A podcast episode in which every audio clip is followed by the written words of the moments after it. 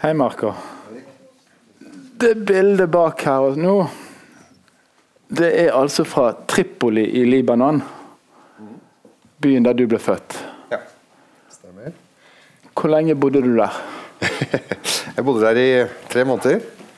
Fra jeg ble født og til vi valgte å flykte til Vest-Berlin, av gamle Vest-Berlin. Eh, da var jeg tre måneder, så jeg husker ingenting av det. Eh, og dette er en veldig fremmed plass for meg. Da. Jeg var tilbake der for første gang i 2008 eh, og tok det bildet sjøl. Fordi jeg syns det var så fascinerende og, og, så mye Det var så mange inntrykk. da. Hvis man ser rett inn i den gata her, så er den ganske annerledes enn Norge. Og så var jeg så fascinert av alle disse ledningene. Så jeg spurte min eh, onkel, da, som, der, som, bor der, eh, hva er disse ledningene. Så sa han nei, det er alt fra internett til TV, kanskje ja, litt forskjellige strømledninger, som folk trekk, strekker fra leilighet til leilighet fordi at noen har fått internett, og da låner, låner de videre til andre. Og så er det hele tiden et evig samspill. Da. Så egentlig et symbol på det samarbeidet som eh, den, den delekulturen. da som flyktningleiren eh, har. Ekstra, ja. ekstra, spennende den klumpen som ligger liksom til venstre der. da. Ja, for det jeg ikke sa at Dette er ikke bare byen Tripoli, dette er flyktningleiren El Bedavi utenfor Tripoli. Ja. Og der bodde Du er den yngste av uh, fire søsken, mm. så familien hadde bodd der lenge før du kom til verden. Ja. Eh, det hele startet med at eh, min, min eh, mormor eh, flykta eh, som gravid med sin mann og, og sine, eh, sin familie til Libanon fra Palestina. Og da snakker vi tilbake i 1949. Akkurat eh, etter at Israel ble etablert og begynte da å, å okkupere palestinsk jord. Eh, min mormor, eller min slekt på begge sider, både min fars slekt og min mors slekt, var bønder og ble fratatt gårdene. Måtte da reise, pakke og reise eller eh, ta opp kampen. Da. Og Da ble det jo drevet på flukt mange hundre tusen palestinere. I, som er på en måte den første store flukten. Så Min far var tre år gammel og flykta til Syria med sin familie. Og forteller sjøl at han måtte gå og bære på en lillebror på ett år for å hjelpe til. For var, man liksom bare tok med seg det man kunne bære med seg. Um, ja. Så min mor ble født i den flyktningleiren her i, 19, i november i 49. Uh, ehm, min mormor var gravid da de flykta med sitt første barn. Og så har jo hun også da åtte søsken som ble født her. Og når jeg eh, ble født, så har jo da min mors generasjon bodd der hele livet. Da. Så, um, så det er liksom Og det er også her min far og min mor møtes og gifter seg og får fire barn, før vi da velger å reise videre til Berlin. Vi kan uh... Så dette er jo da egentlig hjemmet til min mor, da. Her er Marcos sin far. Mm. Han var soldat i PLO. Ja. Offiser. Mm. Og eh, når dere reiste fra leiren, du var et spedbarn, mm. så var ikke det bare fordi at dere var lei av familien hadde bodd så lenge i den ene flyktningleiren? Nei, nei, absolutt ikke. Um, når sant skal sies, da, så tror jeg jo at uh, min, uh, min, mor i prinsippet aldri kunne ha tenkt seg å reist. For det er jo hennes hjem og hennes trygghet. Men, uh, men, faren min jeg kan si litt om hvorfor faren min havna her. Da. Han er jo, som jeg sa, så reiste jo familien hans til Syria. Og, og bodde i Syria. Så hans barndom er jo da i Syria, og det er der han føler seg hjemme også. men så blir han rekruttert Han er jo Eh, han har jo verneplikt, så han eh, blir med i Forsvaret. Og er med og slåss i seksdagerskrigen i 1967, der eh, Israel er i kamp mot den arabiske eliten, som de kaller den. Som da handler om Palestina, Libanon, Jordan, Egypt og, vi se, og Syria. Og faren min, som da er syrisk soldat, eller palestinsk, palestinsk eh, i det syriske forsvaret, eh, er i front. De kjemper én kamp og, og, ser ikke noe særlig til Israels si, angrep. Da. Men likevel så får de beskjed om at, at eh, den byen som de skulle forsvare, er falt. Den har falt til, til, Israels eh, eh, militærmakt. Da. Og Da står det jo en del palestinere og lurer på hva foregår. Det er jo ingen israelsk soldat her engang. Sånn at seksdagerskrigen ble veldig politisk eh, rot. Og mange palestinere følte at eh, de ble svikta av mange av de andre arabiske landene. Eh, så da reiste ganske mange palestinere som bodde i forskjellige land rundt om i Midtøsten, til Libanon for å bli rekruttert til PLO. Da. Så seksdagerskrigen var starten på den største rekrutteringen som PLO fikk. Og Faren min eh, dro til Libanon og, og ble da bo, boende i mormor sitt hjem. Så palestinere som skulle hjelpe til i frigjøringskampen, Min mormor som ville bidra, hun bidro ved at hun åpna sitt hjem og ga soldater muligheten til å bo der. Så min far og, og en annen soldat fikk jo da hus hos min mormor. Og sånn møtte jo da min far og min mor hverandre. da. Så i løpet av de åra faren min bodde hos de, så ble han helten til min mormor. Og min mormor bestemte bare at min mor skulle gifte seg med denne helten. da. Litt romantisk må det vel ha vært også? Ja, han var forelska, men min mor ville, hun innrømte at hun var ikke så veldig interessert i starten. Så det ble liksom lagt litt mild tvang da, i, på 70-tallet. Men eh, ja, De har vært gift i over 40 år, og jeg tror ikke hun angrer på det. Men, eh, men ja, så sånn møttes de, og faren min eh, var med i kampen i ti år. Fram til 1977. Og da, på et punkt, så, uten å gå for langt inn i den historien, så, så fikk han nok. Han ble eh, ved et tilfelle skutt i ansiktet og overlevde. Og har bytta ut halve kjeven sin. Og min, eh, min eh, Min si, morfar ble drept på samme dag. Sånn at min mor får først beskjed om at hun skal eh, på sykehuset og besøke mannen sin som er skutt i ansiktet og visste ikke om han kom til å overleve operasjonen. Samtidig får hun vite at din far døde nettopp. Så det var for min mor da, dråpen der hun ikke orka mer og ville ut av dette kaoset. Så, så, Det tror jeg var grunnen, hovedgrunnen til at eh, de etterpå bestemte seg for at når han kommer ut av sykehuset, så tar vi med oss barna og reiser. Og da dro dere alle sammen til Berlin. Yes. Ja. Da, sitter du, da sitter vi litt i veien. ja, beklager. Det, det nedre, nedre, de to bildene der er jo da fra Berlin. Ja. Det bildet vi har her, det svart-hvitt-bildet, er det siste bildet vi tok i Midtøsten før vi reiste. Det er liksom det aller siste barnebildet. Fra, da, det, da, ser dere Så gammel var jeg eh, da vi reiste. Husker ikke så mye av det.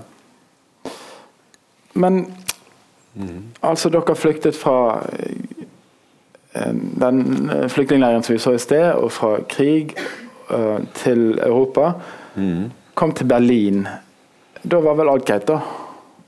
Ja, nei, ja det, jeg skulle tro det. Da er man liksom over verste kneika. Nå er du, nå er du på en måte trygg fra en uh, umiddelbar uh, fare som handler om livet.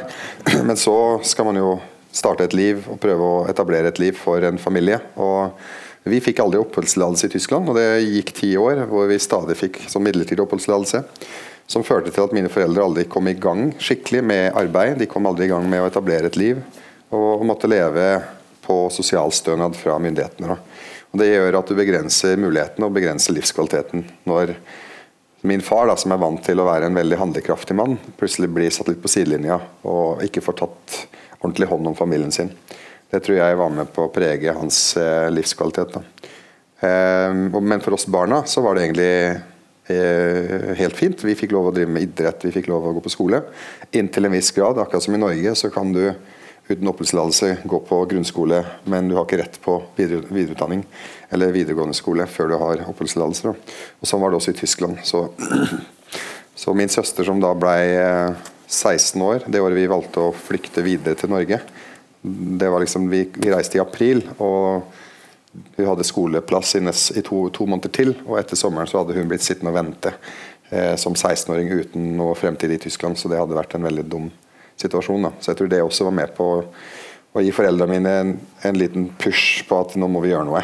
Fordi at vi kan ikke sitte og vente og vente i all evighet. Jeg tror du skal sette det litt fram. Jepp. Sånn. Akkurat. Så så selv om dere var en familie, mm. seks stykker sammen, og dere kom trygt til Europa, så var det mye å være usikker for. Ja, og, og foreldrene mine var veldig gode på å skjerme oss fra det. Den usikkerheten. Så jeg visste jo ikke noe om det. Eh, før jeg plutselig får vite som tiåring at nå skal vi til Norge. Aldri hørt om Norge, aldri visst noen ting om Norge, så jeg ble litt eh, lei meg og, og litt sur. For jeg hadde jo mitt fotballag og min skoleklasse og mitt nettverk der. i Berlin og skjønte ikke hvorfor vi skulle gjøre noe så dumt. Eh, så mine foreldre de tok seg aldri tida, da. og det er liksom et, et tips til alle foreldre. Eh, snakk med barna og forklar de ting som selv om vi tror at ikke barn skjønner det, så er det fortsatt forståelig. Jeg hadde ikke vært, jeg var ti år. Jeg hadde skjønt det hvis foreldrene mine sa myndighetene i Tyskland gir, har ikke gitt oss tillatelse til å bli her, vi er her på ubestemt tid. Kanskje må vi tilbake til Midtøsten hvis ikke vi reiser videre. Vi velger å reise fordi det er et bedre valg for oss. Da hadde jeg skjønt at dette handler om at vi ikke får lov å bli her, framfor at jeg Jeg skjønte ikke hvorfor eh, reiser vi fra det fantastiske livet jeg hadde. da. Så jeg var jo pottesur og lei meg og inneslutta en periode fordi mine foreldre påførte meg den usikkerheten og den frustrasjonen da med å reise til Norge. Um, ja. Så det du sier her generelt, er at barn kan gjerne tåler å få vite mer enn vi voksne tror? Jeg tror det er fort fare for det. Jeg merker veldig ofte at eh, foreldre har mye informasjon de holder tilbake for å skåne barn. Og Det vi gjør da, det er å overlate til barnesinnet å fylle de tomrommene opp i eget hode. Da skjer det mye rart. Så det å gi informasjon og la barn få lov å pusle dette puslespillet sammen på sin måte, er ofte veldig lurt. Eh, ja. Det gjelder egentlig også når barn har opplevd vanskelige ting, eh, som vi kan beskrive som traumer osv., eh, snakker vi ikke med barna om de vanskelige tingene, så er de overlatt til seg selv til å håndtere det. Og Veldig ofte så tror vi at når barn ikke snakker om det, så har de glemt det. Det er ikke tilfellet. Ja. Hvis man selv er et ungt menneske som som går rundt og tenker om ting som ikke blir snakket om, hva burde man gjøre? Man, man, burde snakke. Fordi jeg tror alle som sitter Jeg kan spørre, skal dere med håndsopprekning bare svare? Skal dere få spørsmål, spørsmål, Dere kan stille meg spørsmål senere. men Rekk opp hånden alle som har opplevd dette noen gang. At de tenker noe som de syns er veldig smart. De forteller det til noen, og mens de forteller det, så er det ikke så smart lenger. Har du opplevd det? At ting endrer seg når du sier det høyt. At Hæ, hva skjedde? Det var jo mye smartere inni hodet. Og Det er liksom grunnen til at jeg tror da at hjernen vår er så lite kritisk til tankene våre, for tankene våre er geniale, helt til noen sier hvorfor det. Eller du må forklare det skikkelig. Da er det ikke så smart lenger. Så jeg tror veldig mange barn, og voksne også, danner seg en del sannheter oppi hodene sine som de tror på, helt til, helt til de får en ny sannhet. Da tror de på den. Og hvis barn opplever stygge ting eh, og begynner å, begynner å, danne seg en, eh, en, virkelighet som andre ikke har oversikt over, så kan det hende at den traumen vokser uten at det var nødvendig. Jeg kan gi et eksempel på barn som jeg har snakka med som vi uformelt har traumebehandla, hvis jeg kan si det. Det var fire barn som ble som, ble, som, kom seg gjennom Syria og til Tyrkia over grensa uten foreldrene sine. De flykta til Norge. og når de kom til Norge, så, så begynte etterreaksjonene. Eh, mareritt. Eh, den ene gutten begynte å tisse seg ut i senga eh, om natta. Og Det førte jo til at man prøvde å finne ut hva, hva har skjedd på denne turen gjennom Syria. Da, de fire dagene de var uten foreldrene.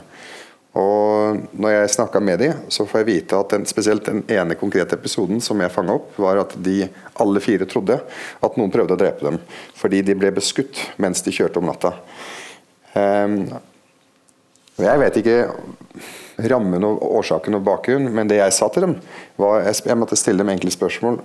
Ble de som skøyt på dere, vet dere hvem de er? Nei.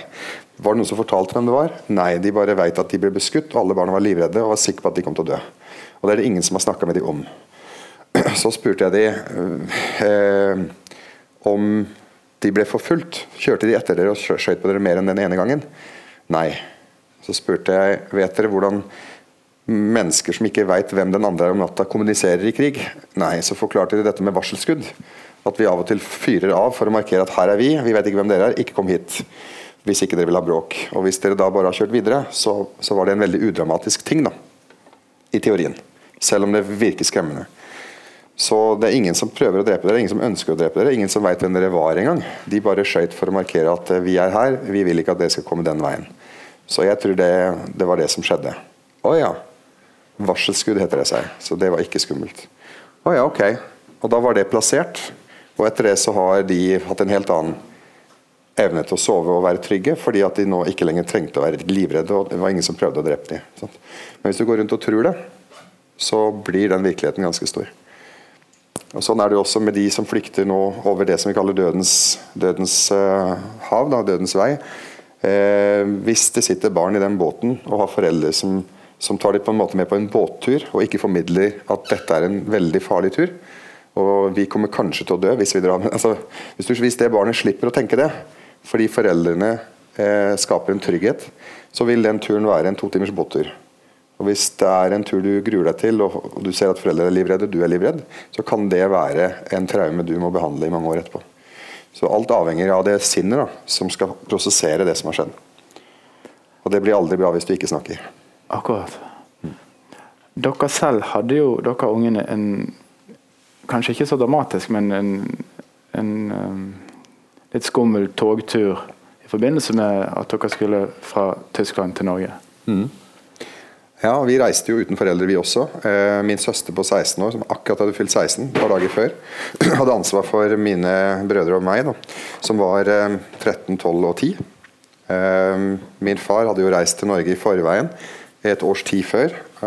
Først via Danmark, og så kom han seg til Norge og sendte bud på oss. og Det gikk noen måneder før vi kom oss av gårde. Så rundt ti måneder etter at han hadde kommet til Norge, eller reist fra oss, heter det, så skulle vi sette ut på den turen. Så ikke nok med at jeg må forlate alle venner og slekt og, og, slekt og nei, fotballaget mitt. og sånn. Jeg skal i tillegg reise uten mamma og pappa. Og det skapte jo ikke noe mer trygghet.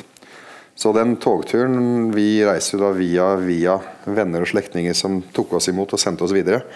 Eh, men vi satt jo på disse turene alene og, og prøvde å hva skal jeg si, å, å, få tiden til å gå. da. Eh, så jeg har jo ofte tenkt på sikkert mange som sitter her i salen som kommer til Norge som enslige mindreårige. Reiser uten noen andre til et fremmed land. For en utrolig tøff og modig ting. Da. Og hva det, hva, si, hva det, kan føre til. Det kan gjøre deg veldig sterk, og det kan også gjøre deg veldig sårbar. Så Avhengig av hva slags opplevelser har du underveis, og hvordan prosesserer du det. Og hvordan tar du vare på deg selv oppi alt. Eh, ja, så for oss varte det i fire dager da, på tur. Hvor vi overnatta litt hos en onkel. Så sendte han oss via en slekt, en venn, et vennepar til Danmark. Så via Sverige, og så kom vi oss til Norge da, og ble gjenforent med pappa. Før min mor kom etter. da. Så det var jo ikke under ingen barn en sånn tur. Men det var igjen, jeg var jo på en plass der jeg var forholdsvis trygg. Eh, med mine søsken. Så jeg reiste jo aldri alene. Jeg kan ikke tenke meg hvordan det ville vært.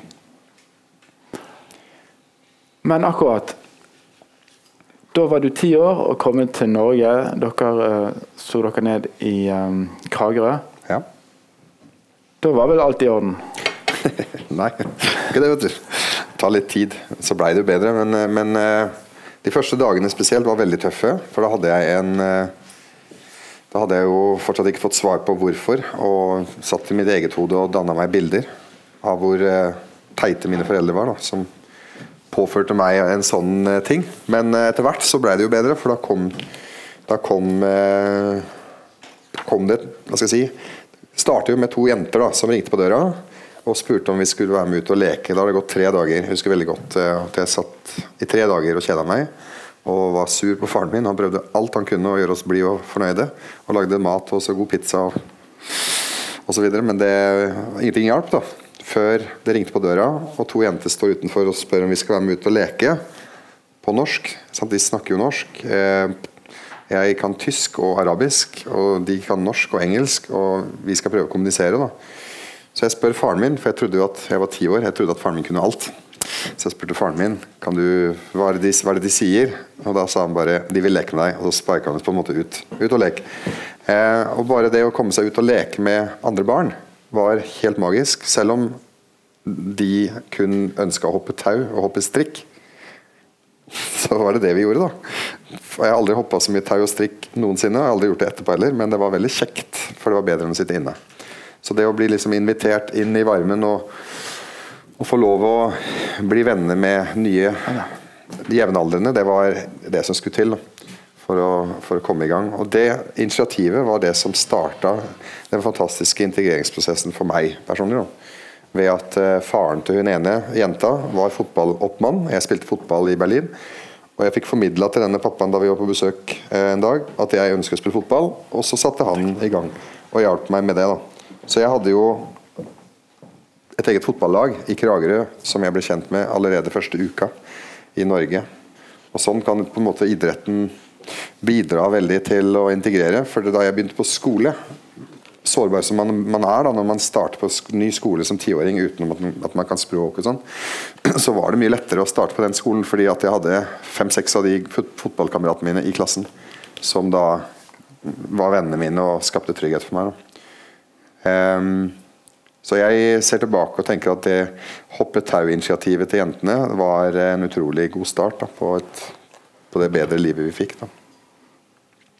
Den fotballkarrieren din begynte jo i Berlin. Mm. Og det er interessant hvordan den begynte. Ja, kan du det, si noe om det? Ja, det vil jeg veldig gjerne. Fordi jeg tror at det, den personen som hjalp oss i gang med fotball, han postmannen som kom med posten daglig og leverte post og reiste videre, som flest, de fleste postmenn gjør, han var eh, ekstra våken. Han var ekstra interessert, spesielt i oss. Eh, barna som likte å spille fotball, fordi eh, han av og til heiv seg med. Eh, spilte litt fotball, kunne navnene våre, skrøt av oss fra siden og involverte seg. da. Og En dag så, en dag så står moren min og ser på ute i gata, for vi bodde i en ganske belasta gate med mye flyktninger og mye kriminalitet. Så min mor hun likte ikke at vi var ute blant andre uten at vi hadde oversikt over hvem vi var sammen med. Så enten faren min eller moren min var enten med ut, eller så satt de i vinduet og fulgte med. Så min mor sto i gata og så på når vi spilte, så kommer denne postmannen og slår av en prat med henne. Eh, som han hadde gjort en del ganger før. Og så spør han henne hvorfor spiller ikke brødrene eller barna dine fotball. For de er jo kjempeflinke, og de står og spiller fotball hver gang jeg kommer forbi. Og Da sa hun at det, hun visste jo ikke hvordan det skulle gå seg til. Og Da skulle han hjelpe henne. da. Så Det han gjorde først, var jo da å finne ut hvilken klubb som var nærmest, og hvordan vi kommer i gang. Og så tror jeg min mor er veldig god på å forplikte, forplikte, litt til. Så hun spurte om hvordan skal jeg klare å få de til og fra trening. Jeg har jo ikke bil. hint, hint. Så da tilbød han seg da at vi kunne kjøre og hente oss, da. Sånn at eh, vi kom oss i gang med fotball. Og det var sikkert ikke meninga at det skulle vare så lenge, men han gjorde det da i nærmere to år for at vi skulle få lov å spille fotball. Og det er på en måte starten på min karriere, som har eh, på en måte, hvis du ser liksom lenger fram i tid, som har endt med at jeg har drevet med toppidrett i 18 år i basketball, spilt på landslaget. Det har da for så vidt også min bror. To av de tre fotballguttene han kjører og henter, de ender opp på landslaget i Norge noen år seinere. Fordi det er en postmann som gidder da, å gi dem et bedre liv. Eh, og, og har trua på at den lille gjerningen er viktig for de barna fordi at foreldrene ikke klarer å, å gi dem det tilbudet som han kan bidra med. Så han pleide å kjøre hjem, levere postbilen på jobb, komme tilbake i sin private lille Passat. og Så stod, satt vi i vinduene husker jeg, og venta på han. og når vi så bilen, så sprang vi ned. For det var så utrolig gøy eller sånn deilig energi. da. For Jeg ble alltid så glad når han kom, for han var en sånn positiv karakter. Så det, Han er liksom den første ildsjelen jeg har møtt, som farga livet mitt såpass som han gjorde. da. Mm. Um, Postmann vender du ofte tilbake til når du er ute og snakker. Mm. At én person kan ta et initiativ og bruke litt av tiden sin og hjelpe andre mm. såpass mye. Um, og vi har vel også snakket om at når dere kom til Kragerø, så fikk dere tilsvarende hjelp fra familier der. Mm. Um, men den gang så var dere dere var en flyktningfamilie i en by som ikke hadde noen flyktningfamilier. Nei, vi var den første i lille Kragerø. Mm. Og, det, ja, og det tenker jeg var litt flaks, da, fordi at vi var nye og spennende. Um, og alt vi, alt vi, foretok oss var interessant for folk, eh, så det blei veldig mye nyheter i lokalavisene. Eh, nå er de ute og går tur på, på Utsiktsstoppen, og nå nå er de ute og hopper tau, ikke sant? det havner også i avisen. Eh, nå baker de eh, pitabrød. Sant? Eh, så, altså, alt var jo plutselig veldig spennende av en eller annen grunn. Så, så det var en veldig sjarmerende og hyggelig tid, der eh, folk var nysgjerrige og interessert. Jeg har jo ofte tenkt hvordan tar man imot en flyktningfamilie fra Midtøsten som er muslimer i dag? Har de samme interessen og samme nysgjerrigheten? Naturlig nok ikke, fordi at eh, nå har vi, har vi mye mer eh, informasjon om, om flyktninger, eller om, om, at andre er forskjellige. Men eh, jeg skulle ønske at vi var like naive, da, eller kan jeg si like åpne og like interessert. Uansett eh, hvor mye vi vet om og hvor mye media skriver om, eh, om, Midtøsten og om religioner og om alle konflikter i verden. Eh, ja, for de fleste som kommer til Norge, Eh, kommer fordi de ønsker å ha et godt liv og et bedre liv. Da. Og da syns jeg det er litt eh, trist at vi kanskje har en litt større avstand til, til den, si, den mottagelsen vi fikk. Da. Det har jeg tatt opp med selv de familiene som tok oss imot i Kragerø. De som var så fantastisk varme og, og gode. Det er jo, Kragerø er jo også blitt eh, en litt annen by med masse flyktninger i forhold til 1987, da vi kom, der vi var de første. Og jeg spurte de er, er, er dere like på. Og det er klart det er de jo ikke, for de har ikke samme energi, de har ikke overskudd til det. Og de føler jo at de har bidratt godt, det har de. Eh, men nå må nye slippe til òg. Nå må flere ta den stafettpinnen og ta ansvar for fellesskapet. Og Som jeg pleier å si, Integrering det skjer i nabolagene, det skjer ikke på politisk nivå. Selv om det er der beslutninger ofte tas, så er det meg i nabolaget mitt som må ta ansvar for mine naboer, og motsatt. De må ta vare på meg, jeg må ta vare på de, uansett hvem de er og hvor de er fra. Mm, måtte dere som kom tilreisende, og som var flyktningene i nabolaget, også gjøre noe? Ta noe ansvar? Ja, eh, og det, det syns jeg mine foreldre er gode eksempler på. At når du da får et tilbud om å bli med på tur, bli med på middag, bli med på en båttur, så takker de ja til alt. Selv om min mor ikke er glad i å være på sjøen. altså, hun takker ja, for det er, det er, høflig og det er respektfullt å si ja, fordi de ønsker oss med. Så får jeg bite i meg at jeg blir sjøsyk fordi eh, det er fint at de inviterer. Og at man tør å være med på ting og, og by litt på seg selv og invitere tilbake. Det er jo det som gjør at eh, det også blir lettere å integrere oss. Og Det sa jo mange av disse norske familiene som tok oss imot i Kragerø, at dere var jo veldig lett å integrere, for dere var jo med på alt. Og det er også noe med at hvis du, en, hvis du, inviterer noen med, og de sier nei takk, så gjør det noe med deg. Den avvisningen er jo ikke noe hyggelig. Så det er klart, eh, Inviterer du to og tre ganger og du får nei hver gang, så slutter man jo å prøve. Fordi at Da har man jo danna seg et bilde av at nå maser jeg, nå vil ikke jeg være til bry. Så jeg slutter å, å være brysom. Så vi har et kjempeansvar, både for å takke ja til tilbudene, ta initiativ sjøl, og ikke minst eh, si, bidra i fellesskapet da, så fort det lar seg gjøre. Faren min eh, ble invitert med på en dugnad allerede i begynnelsen av mai. Vi kom i 8. april. På en måneds tid seinere husker jeg fortsatt en samtale mellom min, for, min, min, min, mor og far.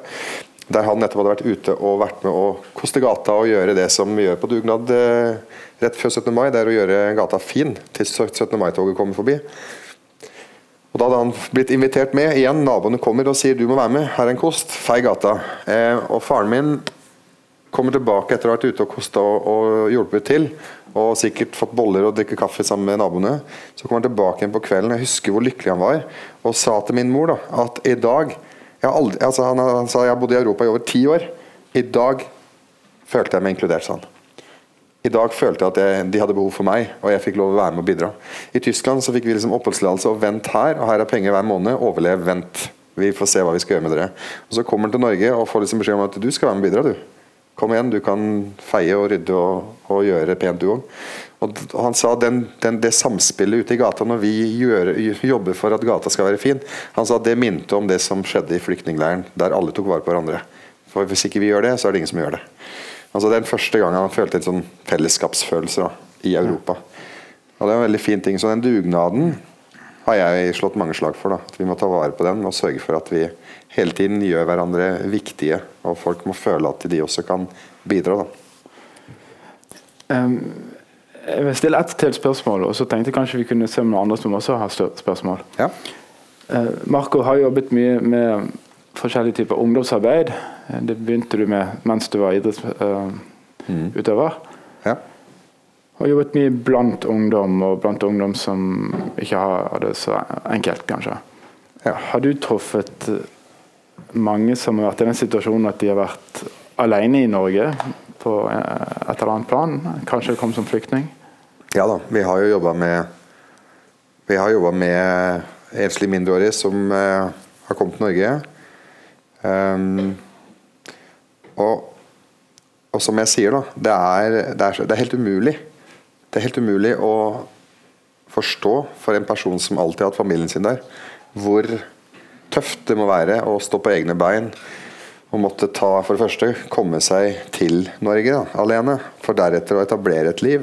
Og For mange så er det jo også sånn at det, det er store forventninger knytta til eh, hvor fort du skal tjene penger nok til å ta vare på og forsørge slekt i hjemlandet igjen. Da, som sitter og venter på at du skal hjelpe de eh, og øke livskvaliteten der. Så det er enormt store forventninger og mye press på et veldig ungt eh, sinn. Eh, og bare det å være ungdom Eh, i seg sjøl er jo vanskelig. Det vet jo alle som har vært ungdom og er ungdom.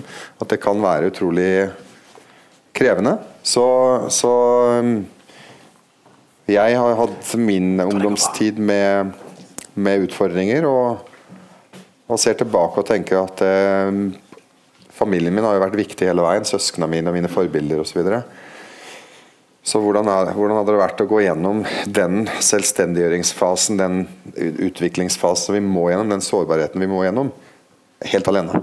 Så det er, eh, det er så Det står veldig respekt av alle de som må gjennom en sånn fase, og, og som klarer å liksom reise seg og, og, få et godt liv til tross for.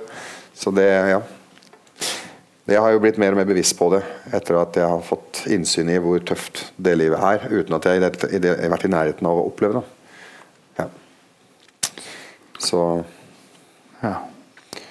Så merker jeg jo det at eh, mange av de som kommer alene, de er ekstremt nære og tette. De tar godt vare på hverandre, og er, de er det nærmeste de kommer en familie. Og De blir som en familie, som de kaller seg. Nettopp fordi at de trenger å, å ha noen trygge bånd, de også. For er, vi er ikke laga for å være alene. Altså Mennesker fungerer ikke alene det alle som søker, søker seg vekk fra et fellesskap, vil på et eller annet, på et eller annet nivå begynne å utvikle utfordringer psykisk, da, tror jeg. Så isolasjon det er aldri bra. Så ditt råd er å knytte seg til de rundt seg? Ja. Hvis det ikke er familien, så de andre som er der? Ja. Altså da er det desto viktigere å ha gode venner. Da. Desto viktigere å støtte hverandre. Ja. Eh, og, være, og, og, bygge seg et, et, et, et eh, trygt nettverk.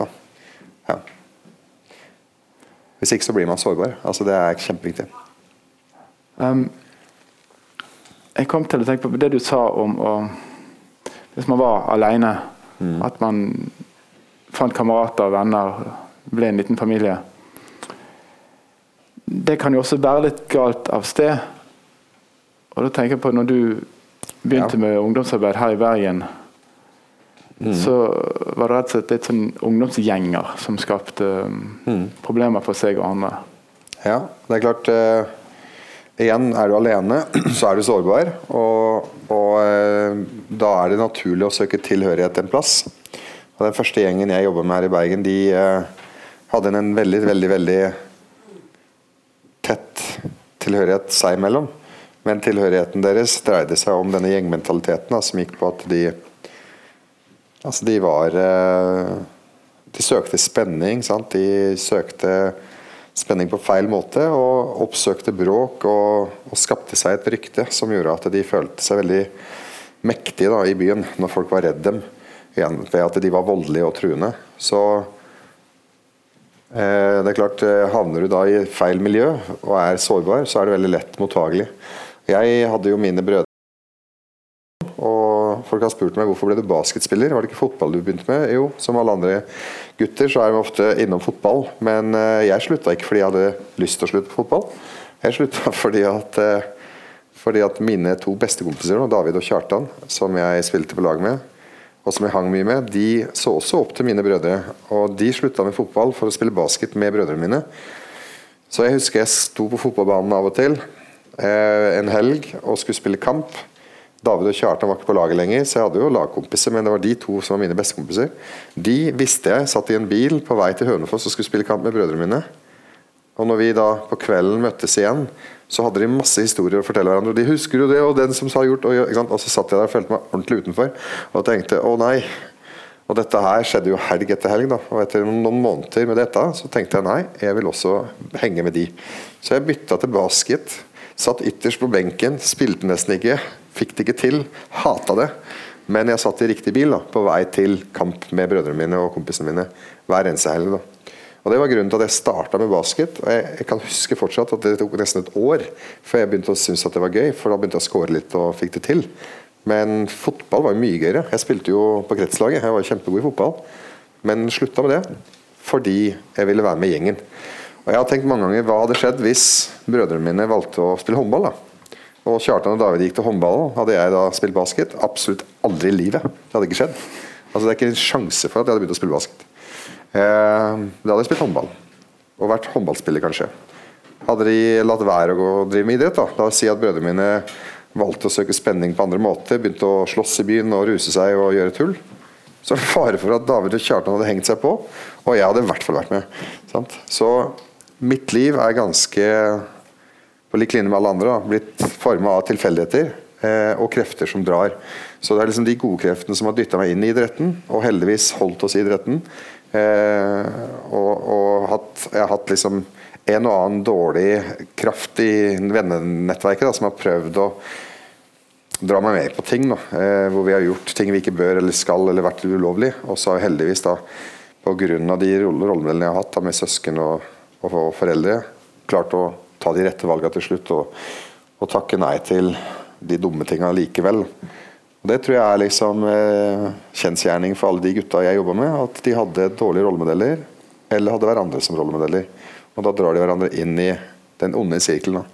Og som jeg hadde middag med de nå for et par uker siden, reunion fra de første ti jeg jobba med. Vi satt og spiste rett borti gata her. Og Da var det en som sa ja, altså, eh, Kan dere huske når han yppa til bråk? Han var jo den som var verst. Hver gang han havna i bråk, så måtte alle slåss pga. han. Sånn. Og Sånn var det jo da, at eh, når én tar en dårlig beslutning, så er lojaliteten så stor at de er nødt til å være med, selv om de ikke har lyst. Og de vet det er ulovlig. Nå blir, nå blir det avhør med politiet igjen. Sant? Og de var i avhør annenhver helg fordi de har vært voldelige og truende. Men de skal backe hverandre. Sant? For det er liksom de er familien til hverandre. Hvordan, hvordan, klarte du og de du jobbet med, å, å hjelpe den gjengen? Nei, Vi måtte jo følge de tett og begynne å gå, gå i dialog på hvor, hvor, hvor, hvor, vil du? Altså hvor vil du hvis du løfter blikket litt? Ønsker du å ha det sånn, eller ønsker du å ha et uh, godt liv? Og jeg tror alle ungdom vil alle ungdom vil ha et liv der de på sikt får en jobb de kan, med gode vilkår og god lønn og et godt liv med penger på bok hvor du kan kjøpe hus og liksom slå deg ned i eget hjem og ha familie og barn. Alle vil jo ha et godt liv, men uh, denne gjengen her ser ikke hvor de er på vei, da, for de er i nuet. Og Det er veldig spontant, og liksom, de tar dagen som den kommer. Mens uh, nettopp det de trenger, er da et lite kompass der de kan ta ut en ny kurs. Og så skjønner da at hvis du fortsetter med dette, så er veien faktisk til slutt en samlesak hos politiet, eh, fengsel i to år. Mens du er i fengsel for enda flere venner som er kriminelle, og hvem vet hvor du er om ti år. Vil du til den jobben du snakker om, så handler det om å slutte å slå. Det handler om å begynne å gå på skole og fullføre eh, ett år av gangen. Da, for å komme på rett spor igjen. Da. Og da må man tett på hele veien, fordi at eh, det er så mange krefter som drar dem. Og så må du vinne den dragkampen da, med å påvirke i god retning. Da. Så, så, det handler jo bare om å sette av nok tid og ha en god nok relasjon til at de lytter til deg når du setter dem på plass når det er på, på sin plass. Da. Så ja. Eh, etter hvert så merka vi at eh, det at de kom sammen, var ikke så bra. Så vi slutta med aktiviteter. I starten var det sånn at vi samla de, og så gikk vi og spiste og gikk på kino. og sånn. Og jeg så jo at Hver gang jeg, vi var ferdig med kino og de sammen gikk til bussen, så jeg husker jeg tenkte å steike, hva kommer til å skje nå på vei til bussen? Altså det var sånn dette er jo kanskje ikke så bra, da, å samle de og så sende de av gårde. Så vi begynte å splitte de. da. Vi begynte å jobbe med de én til én her og der. Og merka at det hjalp jo med en gang. Da fikk vi mye mer dialog. Da var de ikke så opptatt av å gjøre seg til for hverandre og være så tøffe og stilige. Så vi jobba i to år nesten med de én til én, og da ble det ganske bra resultater. Og Da var det en av de som sa du ødela gjengen vår. Ja, hva syns du om det? Altså? Nei, det var egentlig veldig bra, sa han. Ja, Fint, da er vi enige. Akkurat. Så de visste jo sjøl at eh, Men de kom ikke ut av det. For det er så mye lojalitet. Hvis man selv er en ungdom med forskjellige venner mm. Noen er kanskje ikke så gode forbilder ja. og kamerater. Noen er kanskje bedre, men kan man selv Hvordan skal man hjelpe seg sjøl å finne rett vei? Um, det er et godt spørsmål. Det er jo to et, et, altså det er to ting en ungdom må ta inn over seg. Eh, og det er at du kan gjøre Altså du må ta ansvar for hvem du ønsker å tilbringe tiden din, tiden din med. Da. Det velger du sjøl. Eh, og som en ungdom sa, henger du med idioter, så gjør du idiotiske ting. altså det, det, er bare tidsspørsmål før du gjør det. Henger du med bra folk, så skjer det mye bra. Så, så, det er noe med at du må velge litt hvem du skal omgås, og hva, hvem du skal føle skal fortjene tiden din. Eh, og det andre det er at man må, man må eh, på et vis utvikle en sunn samtale med seg selv, som jeg ofte snakker om. Du må ha, du må ha sunt selvsnakk. Du må, du må, snakke deg selv opp og fram. Um, og jeg vet at uh, I ungdomstiden spesielt så er vi ekstremt touchy, da, litt sårbare på hva alle andre syns om oss. Og tar ganske mange beslutninger basert på hva vi tror er innafor i forhold til hva de andre mener. Og det, det, skulle jeg ønske at jeg hadde mer hjelp til å forstå og mer kunnskap om, så at jeg kunne vite litt bedre hvordan tar jeg bedre valg. Eh, uten å bli for påvirka av andre. Og det, det, savner jeg at vi snakker mer om i skolen. Det, savner, det, burde nesten vært et fag der vi hele tiden diskuterer, for vi har hverdagserfaringer fra hvert eneste friminutt som vi kan ta inn i dette faget og bruke som eksempel. Sånn at vi lærer oss de sosiale kodene for hvordan jeg kan hjelpe meg selv, hjelpe min venninne kompis som sliter med noe oppi hodet sitt, eh, i, i samtaler. Men hvis vi aldri snakker om det, så overlates alt til tilfeldighetene og det føler jeg egentlig at skolefriminuttet er. da. Det er bare sånn, det ringer ut, lærerne stikker, noen har inspeksjon så de sørger for at eh, barna overlever, omtrent. Og så er det ingen som, som er liksom inne og hjelper og justerer og, og utfordrer, da, og lar de få tenke på sin egen atferd. Eh, min datter går i andre klasse nå, Sara. Hun eh, kom hjem en dag etter eh, en skoledag og forteller meg i august som var nå, rett etter skolestart, så er hun lei seg fordi at to venninner har vært slemme mot henne. Så spurte jeg hva var det de gjorde da. Nei, De ville ikke leke med henne når hun spurte om å få være med. For de satt og lekte. Så sa jeg syns du det var slemt? Ja, det var kjempeslemt. Ja, Hva gjorde du da? sa jeg. Nei, jeg gikk og sa det til læreren. ok, hva gjorde læreren da? Nei, Hun ble med ut og overtalte de til å leke med henne. Ikke sant? Og da tenker jeg hm, Var det en god løsning, da? Eh, hvem hadde syntes det var kjekt? At vi er midt i en lek? Har det kjekt, meg og deg? Og så kommer det en person som ikke kan være med? Eh, nei, jeg har ikke lyst, for jeg har lyst til å leke med den. Og så går de og forteller det til en voksen, så kommer det en voksen og sier jo, den personen må være med. Oh, ok, ikke sant? Um, og Da blir det liksom for meg veldig enkle løsninger der vi voksne ikke gir dem noe som helst kunnskap og læring i hva vi skal gjøre. da. Så jeg spurte Sara har du noen gang vært midt i en lek der du har lekt med noen, og så kommer det noen og forstyrrer leken da, ved å si kan jeg være med, og så merker du at det, nei, hvis du blir med noen, så ødelegger det moroa. Har det skjedd noen gang? Ja, sa hun. Det var en gang at hun og hun kom og ville være med, men vi hadde ikke flere hester. Vi hadde tre lekehester. Og Vi var tre stykker, hadde ikke flere hester, og da kunne ikke de være med, sa hun. Ja, Syns du at det var slemt å si nei? Nei, det var ikke det. Jo, men du sa jo nettopp at det er slemt at folk sier nei. Nei, men vi hadde ikke flere hester, sa hun. Ikke sant? Veldig smart. Og da sa jeg, men du kunne jo ha lånt bort hesten din, f.eks. Latt de få leke med din hest, så kan du se på litt. For du har jo lekt med hesten allerede. Nei, det syns vi ikke var rettferdig. Og da sa jeg, men Sara, poenget er hvis du da er midt i leken, så er det helt greit, sa jeg til henne. At det ikke passer. Da kan du si til de, du, vi har bare tre hester, det passer ikke noe. Men i neste friminutt så kan vi kanskje leke sammen. Det er helt greit, det. Det er ingen som er slem da. Ja, ok, hun var enig i det. Så gikk jeg videre og så sa jeg, neste gang du spør noen om å leke med deg, og de sier nei, hva kan du da gjøre? Vet ikke. Um, da kan du, sa jeg til henne da kan du faktisk spørre deg selv er det andre som har lyst til å leke med meg. Kanskje er det andre som har lyst til å leke med meg. Hvem andre enn de to jentene som du fikk avvisning fra, da, kunne du ha spurt om å leke med deg i det friminuttet?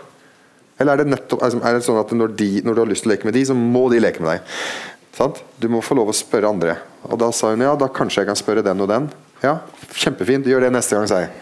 Neste gang spør du de. Og hvis ikke de heller vil leke med deg, hvem kan du da leke med? Ja, da kan jeg spørre han. Ok, du har jo masse venner i det friminuttet, si. Du kan jo egentlig gå og spørre ganske mange, du. Men når, la oss si at ingen vil leke med deg, si. Hva da? Hva gjør du da? Ja, da kan jeg gå og hente læreren, ikke sant. Og da sa jeg nei, det var ikke det jeg ville at du skulle si. Kan du, kan du f.eks. velge å leke alene i det friminuttet, da? Hvor du bare kjenner at nei, altså syns det er kjekt å leke alene? Ja, hvorfor det, sier jeg. for da kan jeg leke akkurat hva jeg vil. Sant? Ja, men helt strålende. Så nå, nå gir jeg henne Det jeg gjør nå, da, det er å gi henne alternativer, sånn at neste gang det skjer, så har hun på forhånd tenkt alternativene. Men hvis ikke du har alternativer, så er det eneste alternativet det du lærer som barn. Da. Det er jo at neste gang noen avviser meg, så går jeg og henter læreren en gang til, for hun løste det for meg sist gang. Og så lærer vi det, da. At det handler om å sladre til voksne for å løse mine problemer. Det tror jeg, eh, jeg tror ingen tjener på det. Så nå begynner Sara å komme hjem og fortelle meg at det og det skjedde, og jeg valgte å løse det sånn. Er ikke det bra? Jo, strålende. sant? Vi utdanner barn sosialt da, til å håndtere livet. Skole handler ikke bare om skole, det handler også om friminutt. Og jeg tror de fleste barna som ikke får til friminuttet, de har det ikke bra. Så det, liksom, det, å knekke den sosiale koden og håndtere avvisning, det er en helt naturlig utdanning i livet. Alle bør lære seg å håndtere avvisning. Det kommer vi til å oppleve igjen og igjen. Um, ja, og noen må hjelpe dem å lære det, da.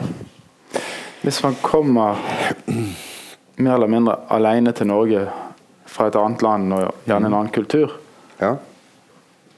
så er det også mye man skulle lært sosialt og ja.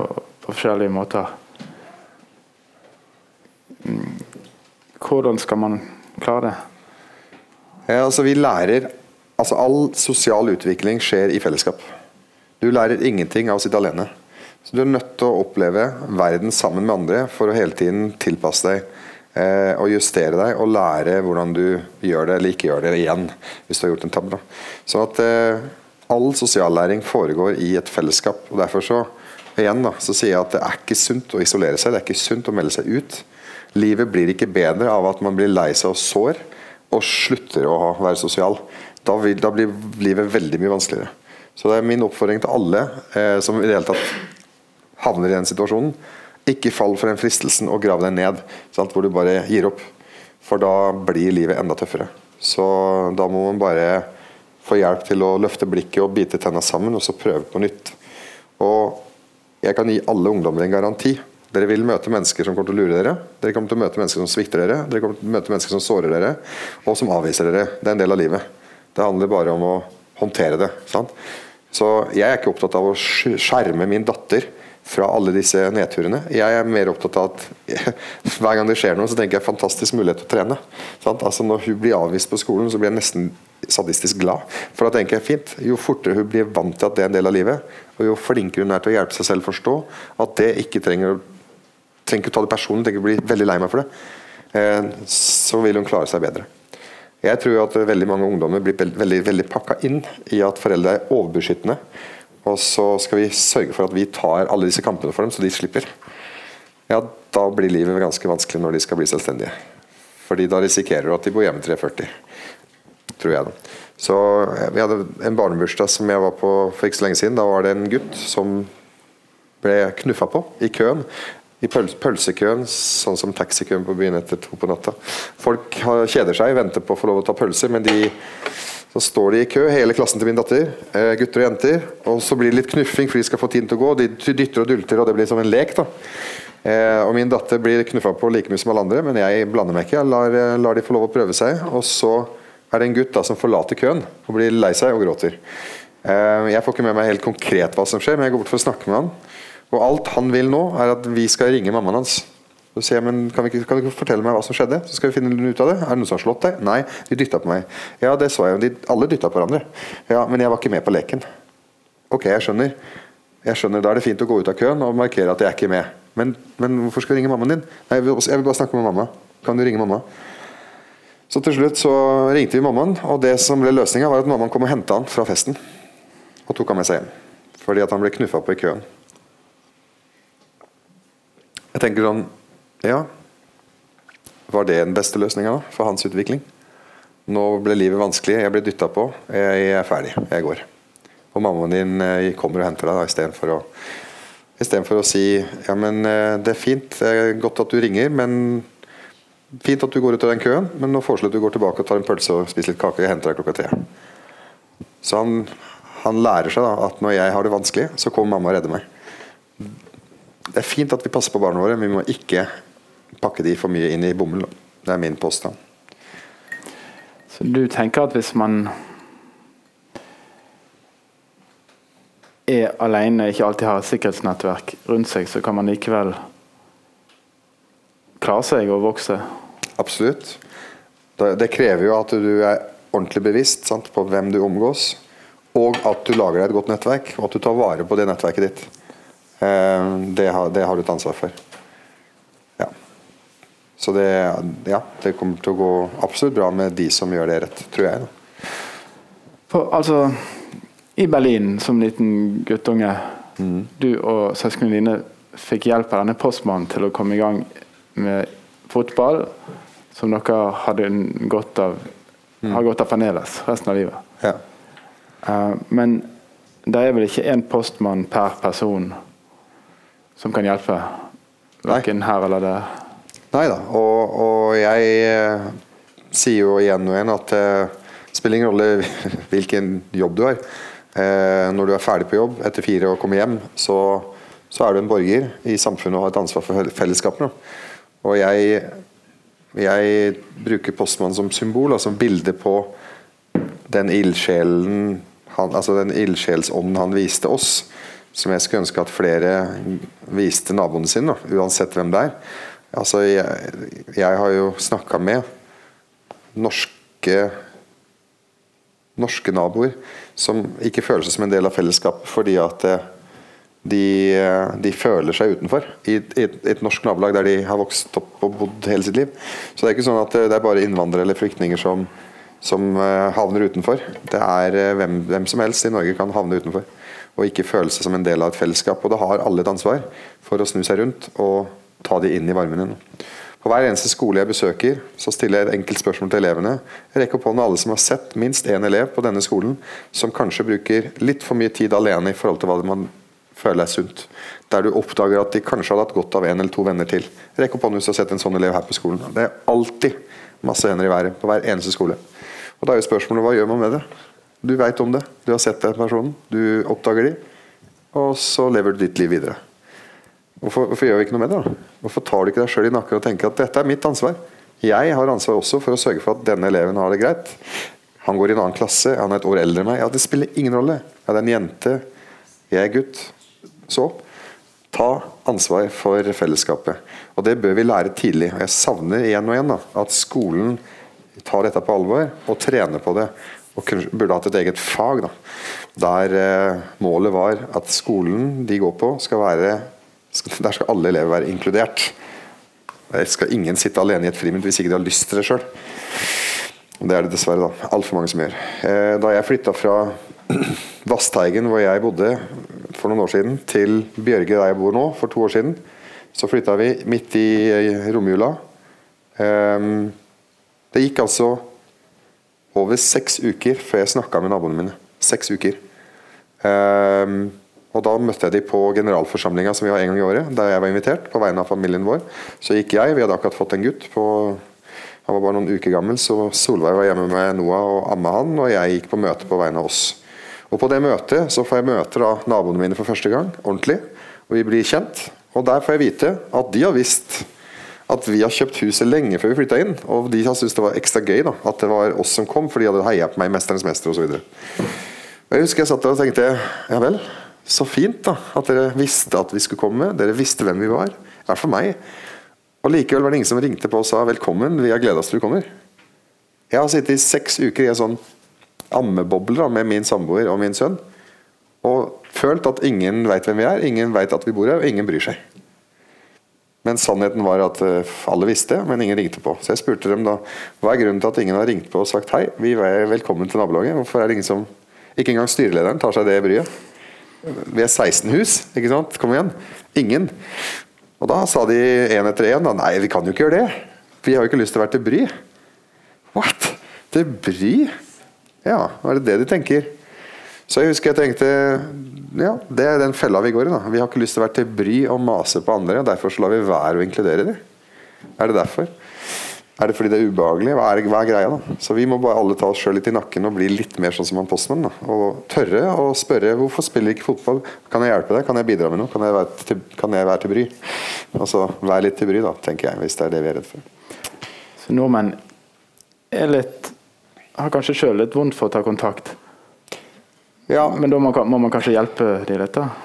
Det handler vel bare om at eh, man må si til seg sjøl at eh, Man må ikke lure seg sjøl til å tro at man er til bry, for det er ikke det. altså Kommer jeg til et nytt nabolag og noen sier hei, velkommen til nabolaget, ringer på døra mi og sier jeg heter sånn, jeg bor der, og hvis du lurer på noe, så kom opp til meg. Eh, kjekt at du flytta inn. Vi visste at du skulle flytte inn her, eller jeg heier på deg, 'Mesternes mester'. High five, strålende. Altså, hvorfor er det til bry?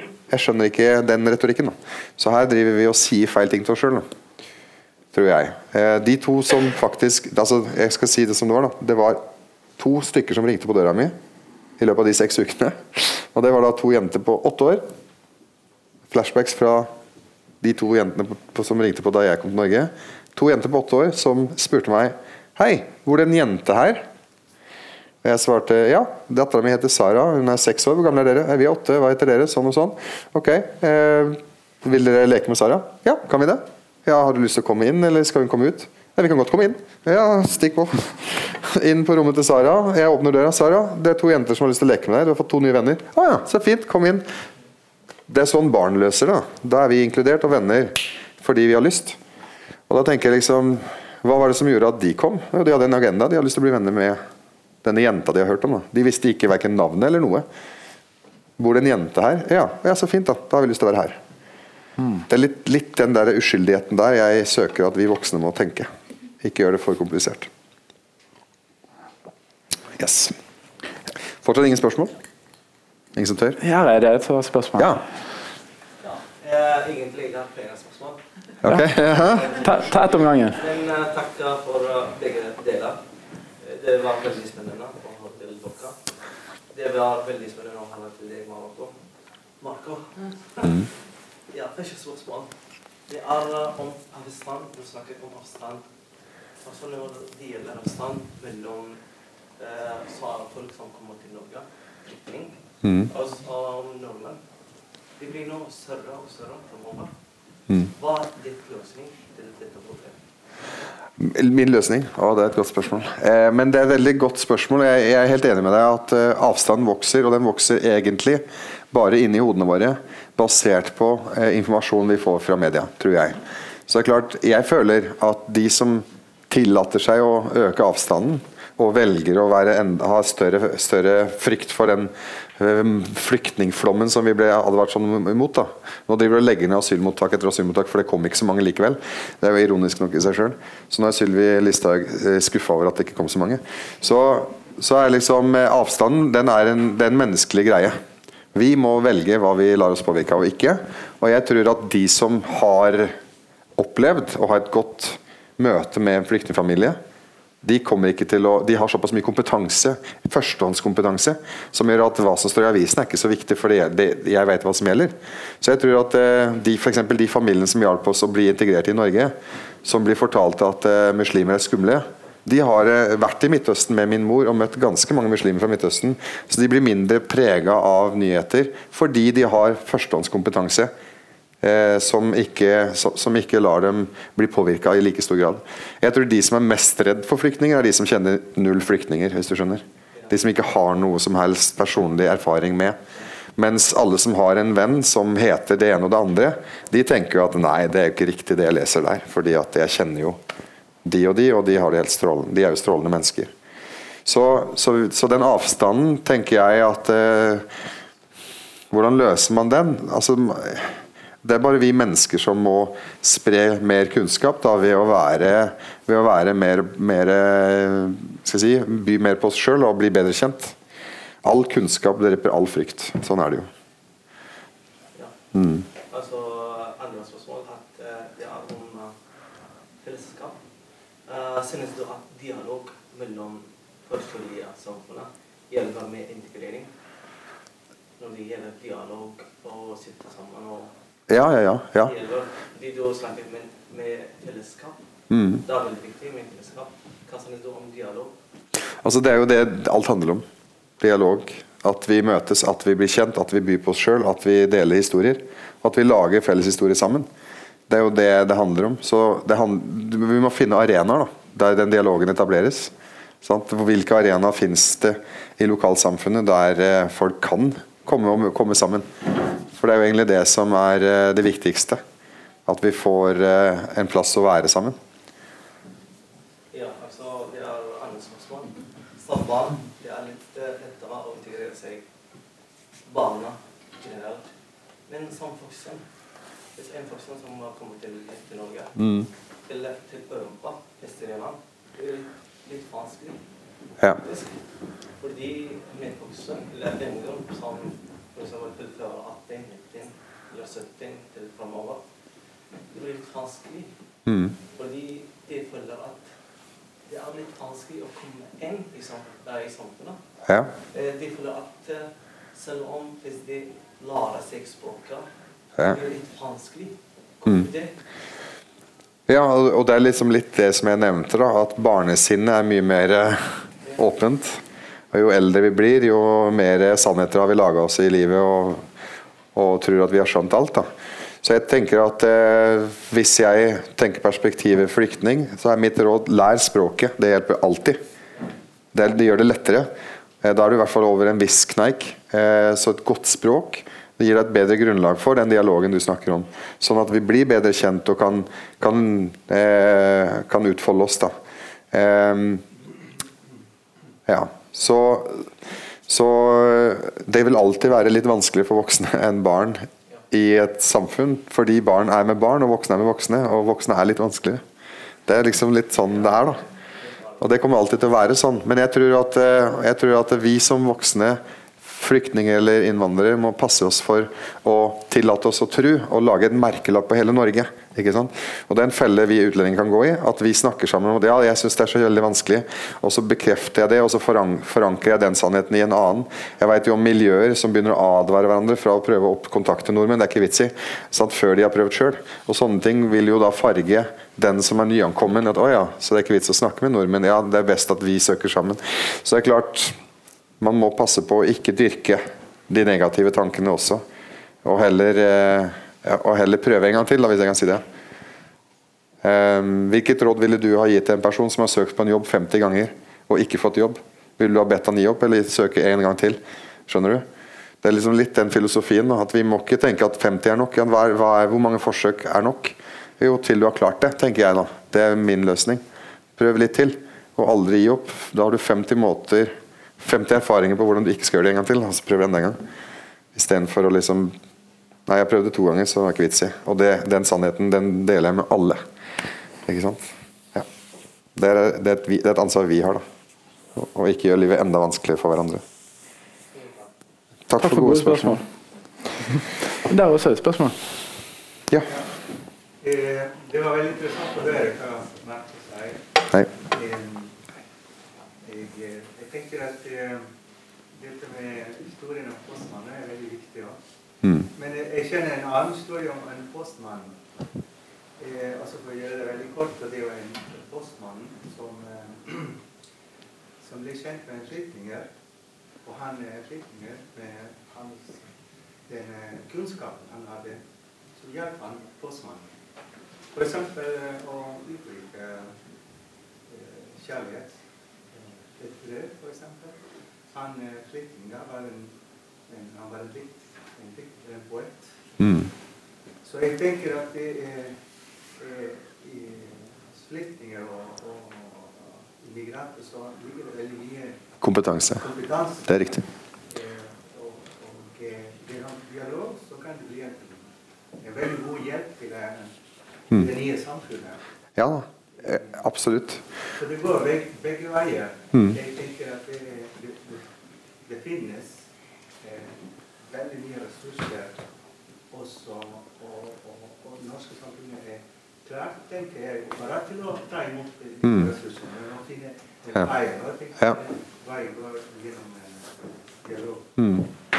Ja, Veldig riktig. og jeg tror jo det at eh, det er naivt å tro at hvis Norge plutselig havna i krig i dag, og nordmenn som flykter da til USA eller eh, Mexico eller eh, Chile eller hvor det måtte være, de tar jo med seg kompetansen sin. Det er ikke sånn at eh, de er helt lamslått og ikke kan fungere som mennesker lenger. Og Det er litt det folk glemmer litt. da. At, og Jeg tror nesten at Tyskland har skjønt det. Jeg tror tyskerne har skjønt det litt før alle andre. For de, de vil ta imot en million, de. For de vet at vi mangler arbeidskraft om noen år. Da har vi en eldrebølge som kommer til å skape en, en, en liten skvis for Tyskland. Så har de antageligvis tenkt denne millionen flyktninger med utdanning, som begynte på skolen når de var seks år, sånn som vi har i Norge, de har sannsynligvis ganske mye ressurser vi må ta vare på. At det kommer en og annen eh, dårlig flyktning inn i mengden, sannsynlig. Men en million flyktninger vil antageligvis bli ganske mye ressurser som, og kompetanse, som du sier, da, som Tyskland vil nyte godt av i ganske mange år framover. Tyskland er vant til det.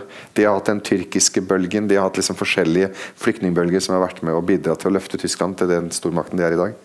Uten tyrkisk arbeidskraft etter krigen så hadde ikke de klart å reise seg igjen.